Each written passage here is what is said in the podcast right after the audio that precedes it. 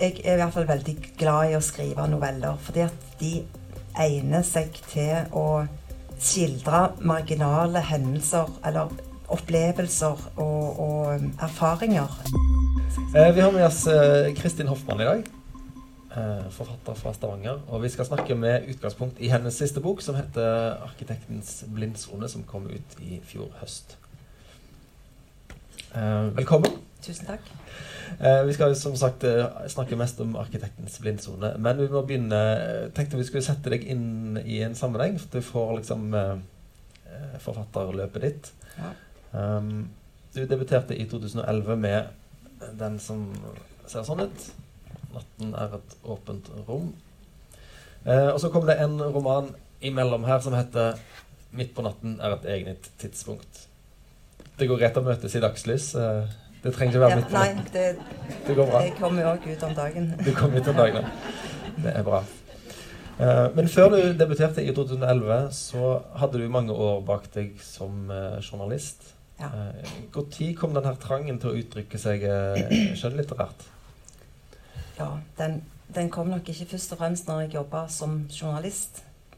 Eh, Det å jobbe som journalist er egentlig ganske tilfredsstillende, men òg veldig travelt. Um, Så um, dette Altså, jeg, jeg kom nok til et tidspunkt um, når jeg jobba som kommunikasjonsrådgiver og produserte uh, en masse mer faglig stoff. eh, pressemeldinger eh, og, og rapporter. eh, med et mer begrensa språk enn jeg kanskje ønska å, å benytte meg av. Så, så kjente jeg at dette kan jeg ikke holde på med egentlig resten av livet. Det var et kjekt arbeid, men jeg må bruke språket til noe annet. Um, da sa jeg opp den jobben og bestemte meg for å uh, prøve, i hvert fall, og se om jeg var i stand til å skrive ei bok. Ei skjønnlitterær bok. Mm. Men, men eh, lysten til å, å skrive, den, den er det jo sikkert mange som har. Og, og den har eh, jeg òg alltid hatt i meg, så lenge jeg kan huske. Og når jeg var eh, liten, så var jeg egentlig aldri flink med håndarbeid eller strikking og sånn, men jeg likte å sitte på rommet og skrive små historier eller lage et eh, persongalleri til en historie som det aldri ble noe av. Men, men jobbe på den måten. Um, og springe inn i stua og spørre de voksne hva de syns, om det var bra eller dårlig. Og så husker jeg at jeg um, Det må ha vært på barneskolen en gang. Um, vant en novellekonkurranse. Det var, det var nok en helt ubetydelig sak, for eh, ja, det, det, ble, det ble aldri noe større ut av det. Men jeg husker at eh, jeg da fikk en, eh, en slags pris. Det var 50 kroner utdelt i en eller annen stor idretts... eh, ja, anlegg. Og, og, og det er jo sånn som sår kimen igjen til å fortsette. At dette, dette er noe jeg kan gjøre bra. Var det liksom en, en konkurranse for hele byen, eller var det Ja, det var en sk skolekonkurranse, ja. Ja. Hva var det det handla om? Jeg vet ikke det, det husker jeg ikke. Det, det er helt borte vekk. Det er altfor lenge siden. Men eh, jeg, jeg husker bare den um, Altså hvor kjekt det er å få en sånn tilbakemelding, da. At det du har gjort, det uh, kan andre kanskje ha glede av. Mm. Ja. Følte du at du måtte gå så drastisk til verks som å si opp eh, jobben din for å, for å teste ut om du var, om du var forfatter? Ja, noen klarer jo å skrive bøker eh, i tillegg til en full jobb.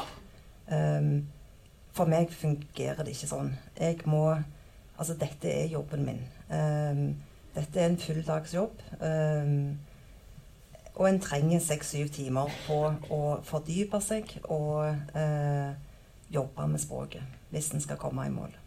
Så jeg, jeg måtte gjøre det sånn. Um, jeg kunne kanskje Jeg trengte nok ikke ha brent alle bruer. Jeg kunne tatt permisjon eller noe sånt et år, men jeg gjorde nå det. Mm. Kan du fortelle oss om en, en skrivedag for deg? Hvordan er det? Mm. Fra du står opp til du Ja. Legger eh, da eh, står jeg opp og så går jeg jo ikke veldig langt. Jeg går inn på mitt hjemmekontor. Um, og der handler det vel egentlig om å sitte klistra til stolen i um, ja, seks til syv timer. Jobbe en arbeidsdag, selv om en ikke legger bak seg side etter side. Um, å skrive litterært uh, handler ikke om det. Det handler om å kanskje skrive eller få til et avsnitt en er fornøyd med, og bruke ei uke på det. En skriver og en sletter, og en skriver og en sletter. Så det er et enormt tålmodighetsarbeid, og det er en lang prosess.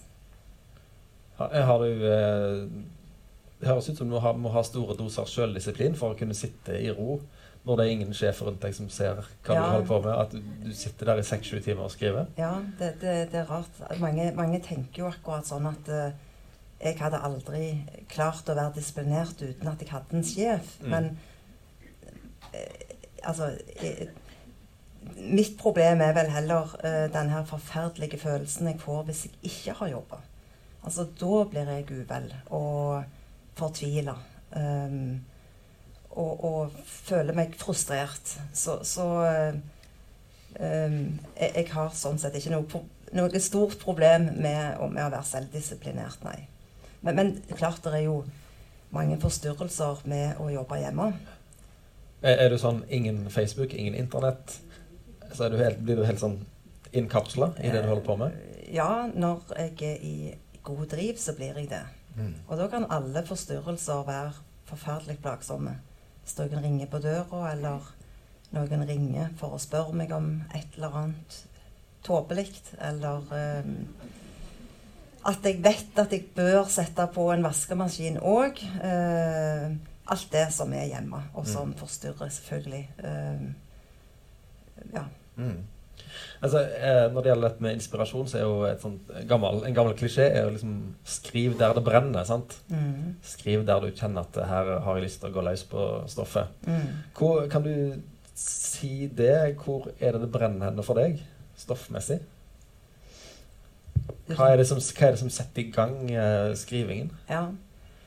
Altså, jeg, jeg, har jo tenkt litt på, på det. Um, og jeg tror nok at utgangspunktet for veldig mange av mine noveller, det er en stemning. Um, og um, uh, da er det snakk om en eller annen form for sinnsstemning som um, ofte dreier seg om en slags sjelelig smerte. Og heldigvis så kan jo kunsten og litteraturen ta for seg det som er vondt og vanskelig. Vi trenger ikke bare eh, konsentrere oss om det som er dekorativt og vakkert og behagelig.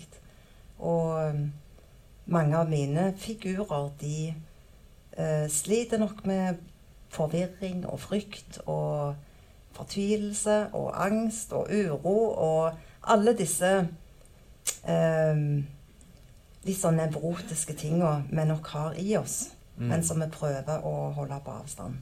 Ja. Og øh, stemninger, de er jo i slektskap med drømmen. Altså det som er irrasjonelt, ikke sant? og som mm. vi ikke øh, kanskje klarer å forstå eller heller forklare fullt ut. Øh, nettopp fordi at det er underbevisst. Um, og altså når vi, når vi, våkner etter en sterk drøm, så er det kanskje Eller det er nok mest den stemningen vi var i som vi husker, eller som preger oss noen minutter etterpå. Og så prøver vi gjerne å forklare dette eh, ka kaotiske eh, som skjedde i drømmen, med et rasjonelt handlingsforløp. Mm. Um, men, men, et av mine hovedprosjekt i arbeidet er nok å få inn dette usagte i historiene. I historienes undertekst. ikke sant? Sånn at um, den um, stemningen eller atmosfæren langsomt skal kunne snike seg inn på leseren. Ja, for det må jeg jo si. Når jeg leste den siste boka di, så, var, så satte jeg meg litt sånn guffen følelse etterpå. Ja. Selv om det skjer Det er jo uh, lite ytre action der.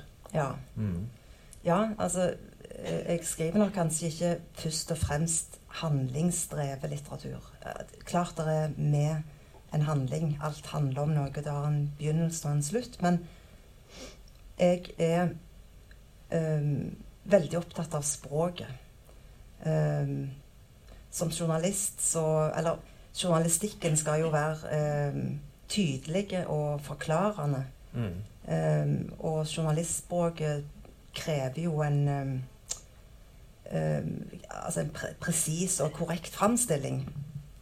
Eh, Der er vel språket mer et redskap til å formidle et budskap på Mm. en sannferdig og skikkelig måte. Mens min litterær Altså så, så- som forfatter så har jeg andre, en annen ambisjon med Mm. språket.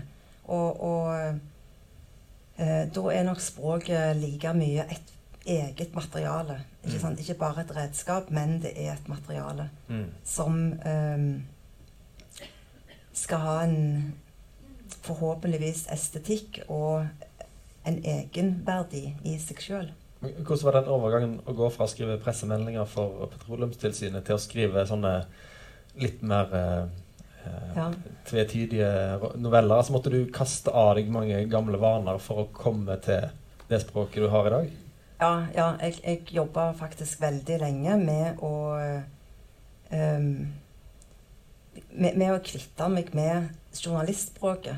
eh, eller dette enkle, tydelige, korrekte eh, språket som òg gjerne kan bli litt sånn omstendelig, fordi at en leser skal jo aldri være i tvil om hvem som sier hva, og hva de representerer osv. ikke Mm. Så eh, jeg brukte lang tid på å finne en slags litterær stil. Mm. Det gjorde jeg. Sikkert to år. Eh, Eller jeg jobber med det ennå. Og Ja. og, ja det, Den, den eh, stilen kom en kanskje aldri helt i mål med. Og den skal jo utvikles og endres og modnes hele tida. Mm.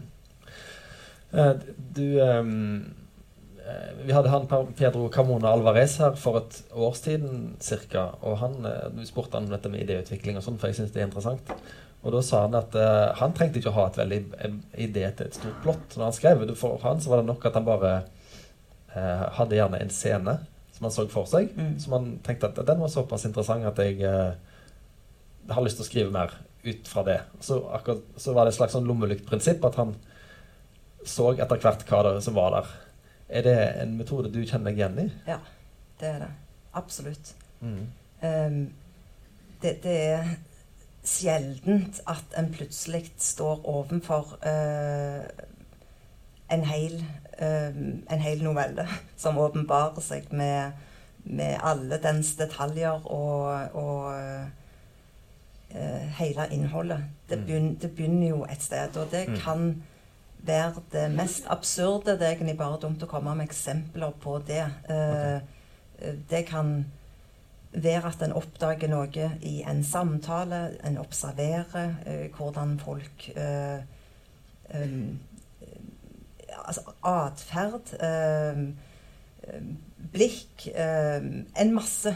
En masse. Det, det, du har jo hele verden å, å ta av. Men, men tenker du eh, historier, så vil jo hjernen hele tida jobbe òg på den måten. Den, den vil lete etter ting som, som er et utgangspunkt for å fantasere videre på. Mm. Mm. Det, du, det du ofte skriver, skriver om, er jo eh, menn. Hvorfor skriver du så mye om gamle menn? Ja. Eller halvgamle menn? Hvorfor er de så interessante, disse Gamle mennene. gamle mennene? Ja.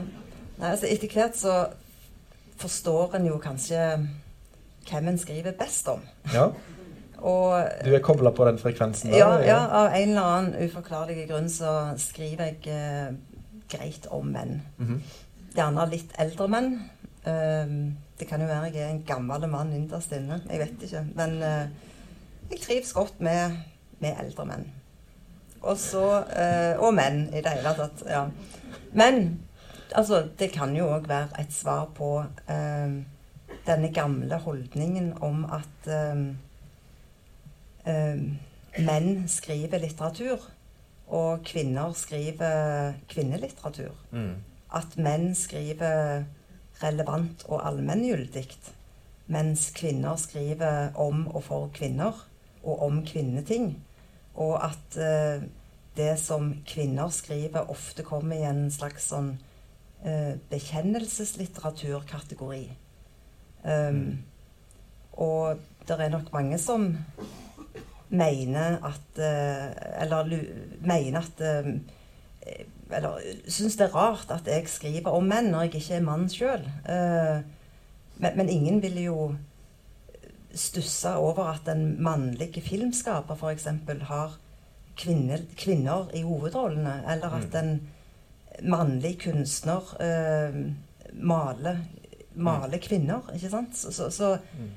det er egentlig òg en eh, en litt sånn urettferdighet i det. Uh, Mm. og, og uh, med menn så, så, så føler jeg at jeg kan skrive relevant og allmenngyldig av en eller annen grunn. Mm. Men, men det er litt artig at du nevner òg, for um, når, eh, når um, debutboka mi ble anmeldt uh, i Dagbladet, um, så var overskriften 'Skriver om menn i kinkige situasjoner'. Ja. Um, og det er jo veldig sjeldent at uh, ei um, en novellesamling altså Det er jo smalt i, i seg sjøl, da. Mm. Og, og, og av en ukjent kvinnelig forfatter uh, som ingen har hørt om eller vet noe om, at den skaper At en anmeldelse av en sånn bok skaper noen debatt i kommentarfeltet. Men der var det tydeligvis mange menn som var indignert fordi at jeg hadde ingenting med å mene noe om menn. Ikke sant? Sånn er, ja. Ja. Ja, jeg tenkte mer på det at eh, når du, når du eh, skisserer måten du skriver på, og ditt litterære prosjekt, dette med det litt sånn usagte, Mm. den der eh, litt undertrykte, ubestemmelige smerten, så er kanskje menn takknemlige å ty til, siden vi er dårligere til å legge, sette ord på hvordan har det og sånt. At det er mye mer sånn eh, ja. Det kan godt være at uh, menn er egnet til å uh, være modeller for eh, ja, altså figurer som det går gysla galt med. jeg vet Mm. ikke. Nei, eh, altså Men Hvis vi hadde spurt eh, i Simsalen hvor mange syns at eh, mannen deres eh, er for lite meddelsom, så hadde vi fått ganske mange hender i, ja. i været. sant? Ja, det ja, på. at... det, eh, absolutt. Absolutt. Det, mm. mm. Men, men det kan jo òg dreie Altså, jeg vil jo egentlig holde mine hovedkarakterer på en slags armlengdes avstand. Jeg, jeg Mm. vil egentlig ikke identifisere meg med de i virkeligheten. Mm. Eh, jeg skriver ikke biografisk eller virkelighetslitteratur. Det Mm. er, det er ren diktning og fantasi. Mm. Um, Ja. Er, er du, dette med Jeg må, spørre deg om det. Navnene på disse personene dine. Bruker du mye tid på å liksom, kose deg med å komme fram til gode navn? For det, Ja. de er veldig artige navn. De heter Borge Berg, som er gift med Berli. Og så er det Konrad Karlsen. Knaus Kneibel. Herman H. Harold Hermansen. Så det er bokstavrimer, liksom Ja, ja, ja, ja.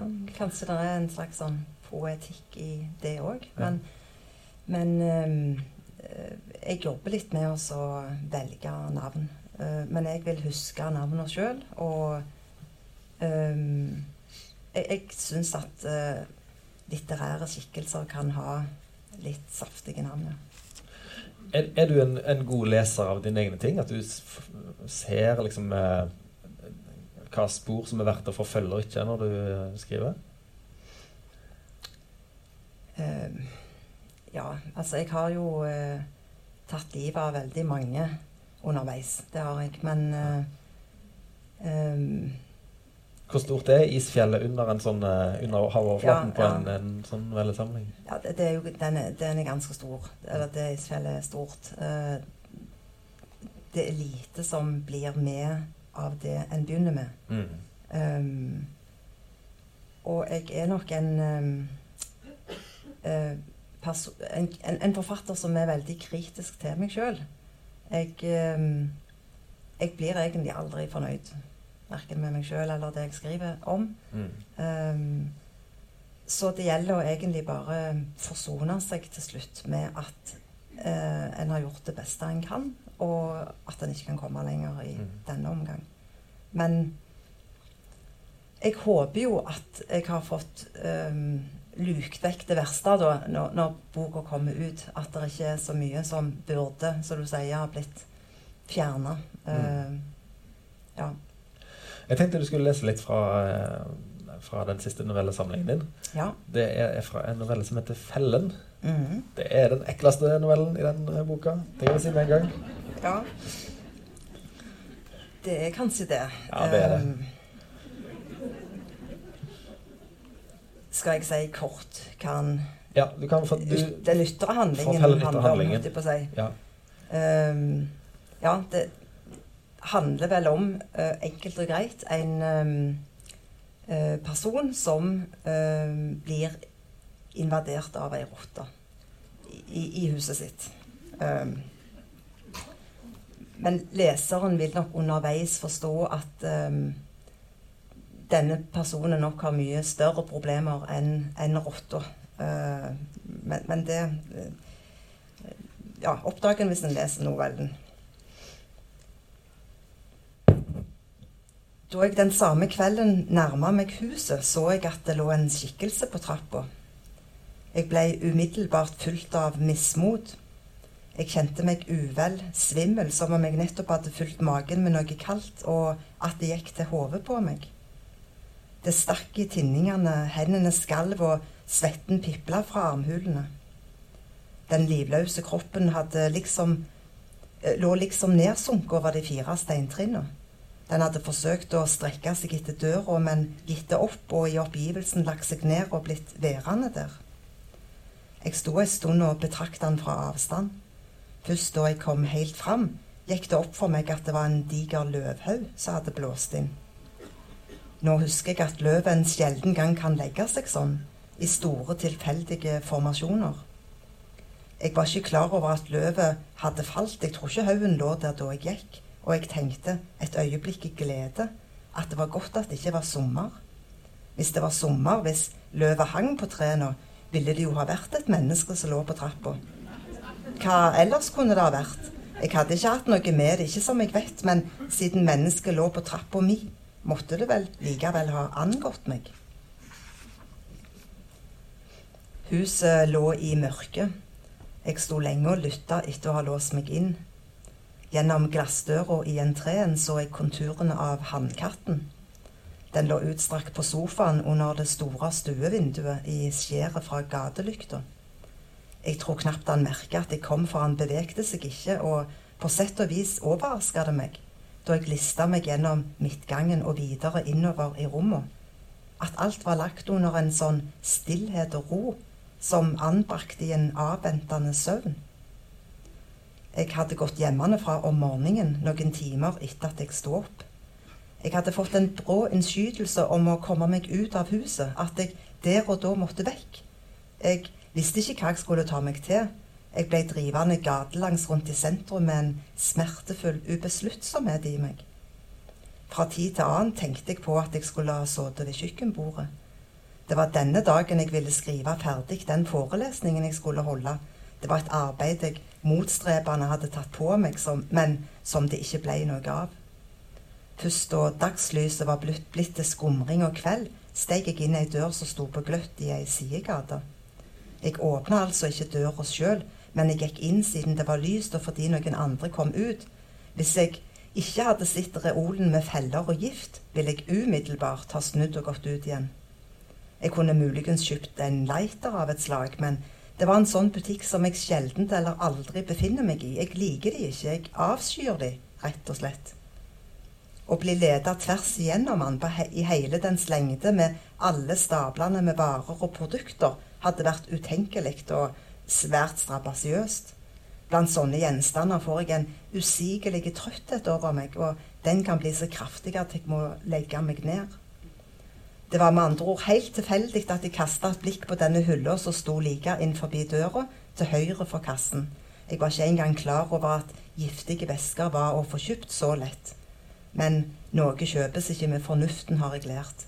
Vi handler hele tida på vilkårlighet og slump, til det verre eller bedre, og gjerne til det verre, har jeg i ettertid forstått. Emballasjene i hylla hadde påskriften 'Mot'. Det var skrevet med store bokstaver, og varene var anretta med en overordna systematikk som jeg der og da syntes at det lå en viss overbevisning eh, i. Øverst sto toksider mot hund og katt, men jeg leste ikke på noen av bruksanvisningene bak.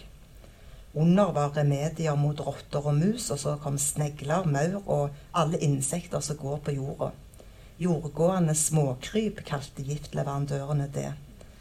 På den nederste sto toksider mot insekter som flyr, og en kan jo bare undre seg over hvor mange flygende insekter der er. Jeg ble både overvelda og brydd. Jeg ble ganske ille til mote av å tenke sånn, og jeg klarte ikke å la være å tenke på det. Jeg kunne velge mellom et mangfold av muligheter som jeg hittil ikke hadde visst noe om, og naturligvis greip jeg en av rottefellene fra den flammerøde pappesken som de lå stabla i. Ved disken betalte jeg uten å stille de spørsmåla jeg vanligvis ville ha gjort. Jeg trakk kortet som om jeg foretok meg noe usømmelig. Jeg har hatt den nøyaktig samme følelsen i en bensinstasjon før. Jeg kikket i gulvet idet jeg mottok posen over disken, og jeg holdt blikket nedslått hele veien ut. Men plastposen med trestykket var lett i hånda. Det slo ustanselig og nesten hissig mot låret.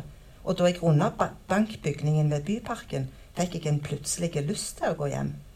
Der skjøv et vindkast fra den svarte, åpne fjorden meg brutalt i ryggen, så det kan òg ha vært vinden som fikk meg til å kjenne det sånn. I alle fall slo det ned i, det ned i meg der. Hvor ellers skal du gå? Idet jeg nærma meg huset og trodde at det var et menneske jeg så, var jeg likevel i den stemningen som jeg hadde vært i siden jeg gikk, og som jeg òg tidligere har opplevd å henfalle til, eller har fått plutselige og skremmende fornemmelser av når bilder av naturkatastrofer har rulla over fjernsynsskjermen.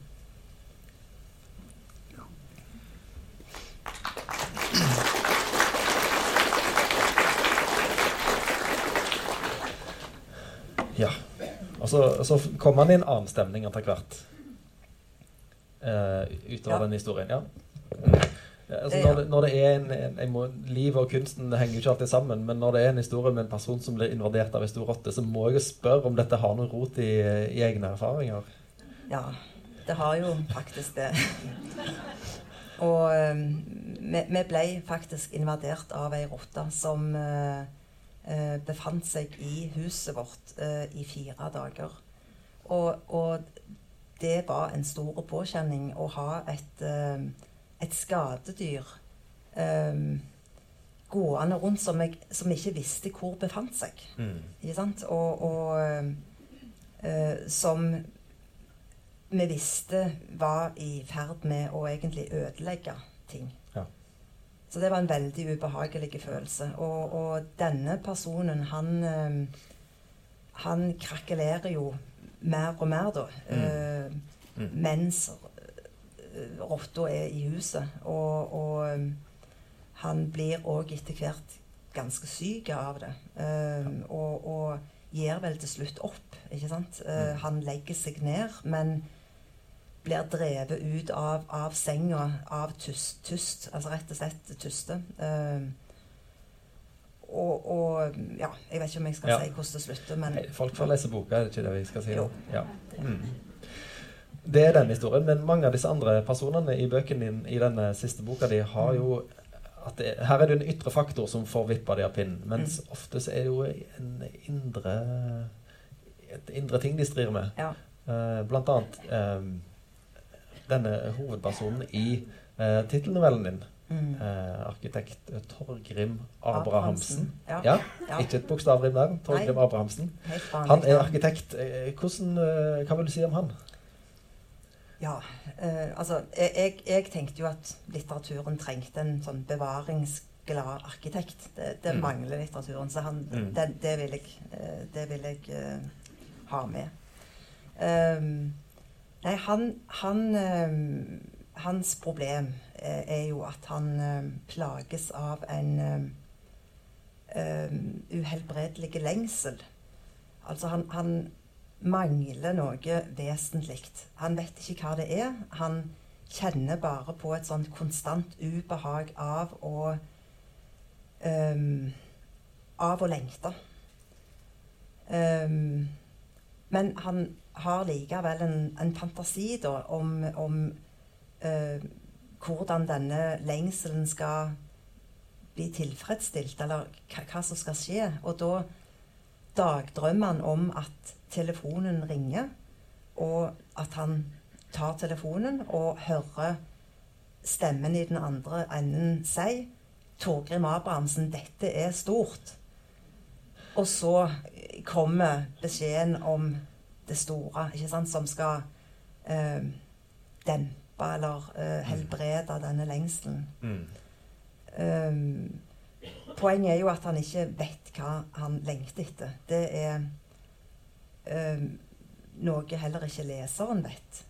Mm. Men det er jo et vendepunkt i novellen ja. hvor denne arkitekten eh, forstår at han ønsker seg en noe så dumt som en pris. han vil bli anerkjent. Ja. Han vil få en um, synlig tilbakemelding på at alt det arbeidet han har gjort, er verdt noe. Ja. Så mm. i bunn og grunn så er det ganske liksom, basale behov han har. da. Helt basalt. Han vil bli sett og elska som alle oss andre. Som alle oss andre, ja. ja. ja. Um, helt konkret så jobber jo Torgrim Abrahamsen med å bevare eller restaurere en um, nedlagt fabrikk. Um, og uh, her skal han jo uh, ikke trekke noe fra eller legge noe til. Han, han han må egentlig forholde seg til det som er der fra før. Mm. Uh, det skal jo restaureres. Og innvendig så, så, er det et sånn flott inngangsparti. Um, og der får han likevel en fiks idé om å sette inn et glassmonter. Et, ja. et vindfang som du skal komme igjennom, og som skal fange blesten før en stiger inn i denne foajeen. Og, og det er vel egentlig en idé da, som er drevet av dette indre tomrommet. Mm. Um, det representerer muligheten til å uh, få innfridd, eller oppfylt, um, det han mangler. Han um, får jo beskjed fra kollegene, kollegene, på kontoret om at det, det, er helt feil å sette inn dette glassmonteret. Det, det, hører ikke til der. Det vil bli malplassert. Men mm.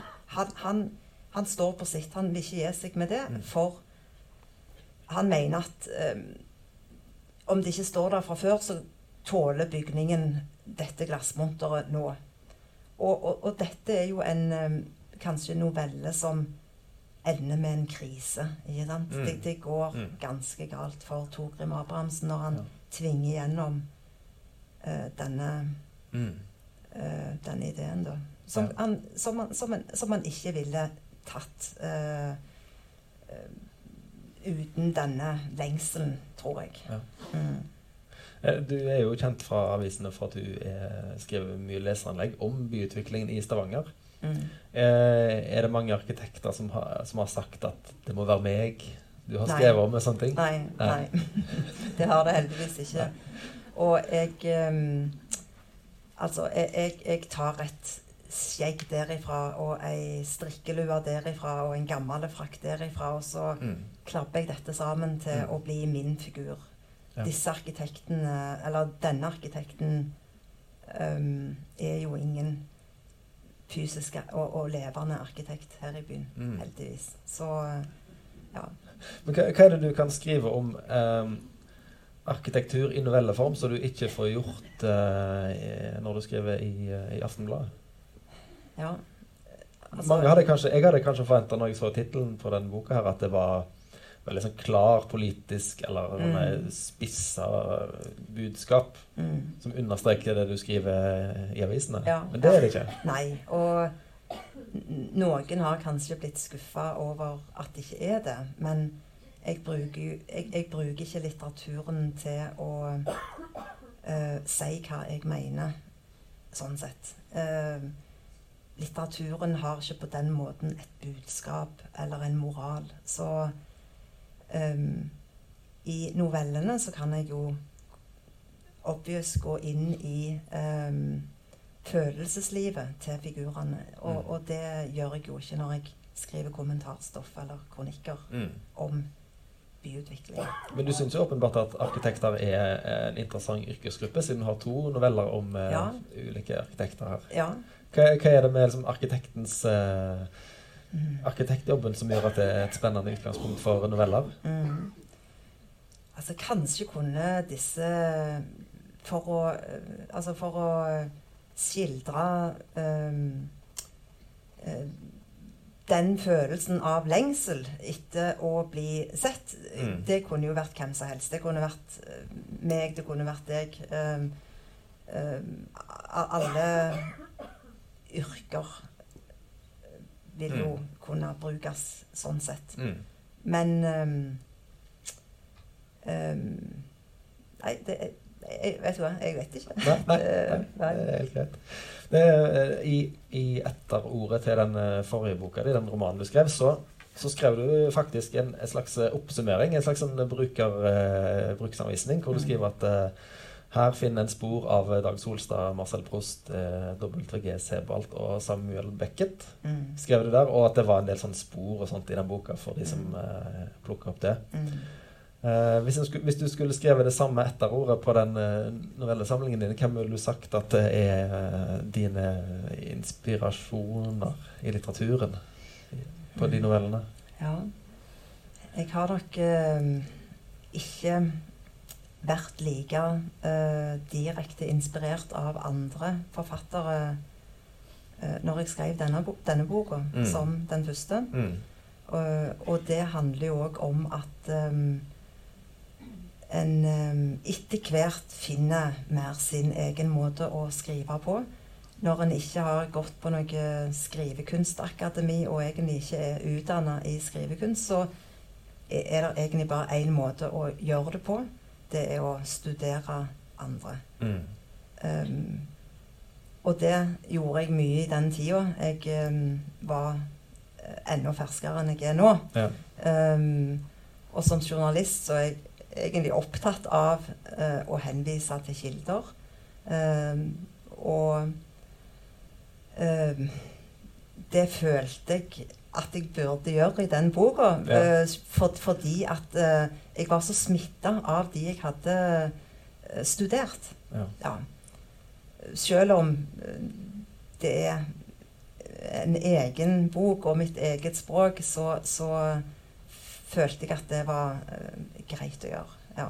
Men det er ikke så tydelig påvirkning i den siste Nei, boka? nei. Nei. Men, eh, dette med novellen, da. Altså, du begynte med en novellesamling. Og så kom det en roman, og så kom det en novellesamling igjen. Er det det som er din sjanger, føler du? Mm. Ja, eh, altså Jeg er i hvert fall veldig glad i å skrive noveller, fordi at de egner seg til å skildre marginale hendelser eller opplevelser og, og um, erfaringer. Um, og, og altså dette er jo små hendelser i stor skala, ikke sant? Mm -hmm. det er bitte små og gjerne sånn tilsynelatende ubetydelige detaljer som blir kjempeforstørra. På samme måte som når vi våkner midt på natta og begynner å gruble over en ting. Den tilstanden vi befinner oss i da, Mm. er nesten umulig å komme seg ut av. En må egentlig se problemet i dagslys under andre omstendigheter. Mm. Og jeg liker jo å utforske den tilstanden. Hvor, hva skjer hvis en faktisk aldri kommer ut av den tilstanden? Er i den tilstanden? Hvilke konsekvenser får det? Ikke Mm. sant? Ja. Mm. Så um, um, Du, har- du har jo i, I den første boka di så har du en person som heter Carl Theis. Er det riktig Ja, uttalt? det, i romanen, ja. Ja, Mm. han, men han, han er jo hovedperson i det som ble roman Ja. seinere. Mm. Er det noen av personene i fjorårets bok som du tenker at eh, det, var en, det var en person jeg ikke ble ferdig med? Her fins det mer som jeg kan skrive en, en flere mer om seinere. Ja. eh, det, er jo en, det er jo en vanlig eh, måte å gjøre det på. Å, ta med en eh, karakter fra en tidligere utgivelse Mm. eh, videre. Eh, akkurat han eh, følte jeg meg egentlig ikke helt ferdig med i den novellesamlingen. Så han, han var jo med i en roman. Men i så fall så måtte det nok vært eh, Torgrim Abrahamsen, Ja. Hva skjer etter at han har denne krisen sin? Det Ja, eh, etter at han eh, eh, dessverre havner i en sånn litt kinkig situasjon mot slutten, så kan det jo skje hva som helst, faktisk. ja. Ja. Så det er egentlig ingen, ikke noe dumt resonnement å jobbe videre med, med han. mm. Mm. Et navn som jeg tenkte på når jeg leste den siste boka, det var, det var Roald Dahl. Har du lest han? Ja. Novellene hans? ja. For det var et eller annet med en, en, en sånn krimaktig novelle her om en forsikringsselger som ringer på. Mm. Mm. Der tenkte jeg dette er, dette er Roald Dahl for vår tid, altså. Ja. De der eh, svarte bok eh, og et hodekort og disse bøkene hans. Ja, ja. Så, Mm. eller den aller første novellen er, som òg er veldig bra, om disse, disse to gamle vennene som snakker sammen på telefon, hvor den som leser blir mer og mer Det som i begynnelsen begynner som litt sånn platring mellom to gamle menn, selvfølgelig. Etter hvert blir ganske sånn illevarslende om hva som egentlig foregår. Ja. ja. Uh, det er en um, Det er jo en novelle om fortielse og fortrengning. Um, Mm. uh, hele novellen er jo en telefonsamtale, som du sier, mellom to personer. Uh, den ene har nok en sterk fornemmelse av at det er noe alvorlig galt med han. Og han forteller da eh, eh, Borge Berg, som er Ja. hans eh, venn fra barndommen, om et legebesøk han har hatt. Ja. Um, han, han sier at han har løyet for legen. Han har egentlig bare nevnt, nevnt i en bisetning at, at han har symptomer på, på dette som kan være noe farlig. Uh, det er liksom at han, eh, han syns at legen må få noe Altså, han kommer til legen og har ingenting å, å, å melde. å melde, så er det nesten ja, vondt i magen. Ja, omtrent sånn. Ja. Ja. Ja, Men, men egentlig så Så, vet han nok innerst inne at, at noe er på gang, da. Ikke Mm. sant? Uh, Mm. Og likevel så kommer han nok aldri til poenget med denne gode vennen sin i løpet av samtalen. samtalen. men vet du, de kommer Ja. ikke til Nei. poenget. De kommer ikke inn til In, ikke, nei, nei. Så det temaet han kanskje egentlig burde ha tatt opp, det blir, eh, det, det blir liggende. Og måten han får vite, eller han får denne erkjennelsen av at at vennen eh, hjelper han til å forstå, det er egentlig uten at vennen forstår det sjøl. Mm. Ja. Mm. Mm. Mm. Den må nok òg leses for å forstås. Den må leses. da eh, Bare si det til slutt her, at eh, les eh, 'Arkitektens blindsone' og bli eh, litt eh, forstyrra og eh, veldig fornøyd. Forstyrra og fornøyde kommer dere til å bli. Ja. Det er sånn en vil ha det. Kan du si noe om hva du, hva du holder på med nå? Har du begynt å se framover mot neste utgivelse, eller har du noe du skriver på? Ja, ehm, ja, jeg skriver jo alltid på et eller annet. Um, så jeg har for så vidt så vidt tatt fatt igjen på, uh, på ny. Ja. Um, når en gir ut ei bok, iallfall Når jeg gir ut ei bok, så føler jeg meg ganske utlada og utmatta. Mm. Jeg trenger litt tid på å samle tankene igjen og, og begynne å konkretisere de. Så um, noen ny bok fra meg blir det nok ikke før om flere år. For det er den tida jeg Mm. må ha på å skrive en bok. Ja. Mm. I mellomtida så er alle disse til salgs og til låns på Sølvberget. Så tusen takk for at du kom, Ja. Kristin Hoffmann. Tusen takk for at jeg fikk komme.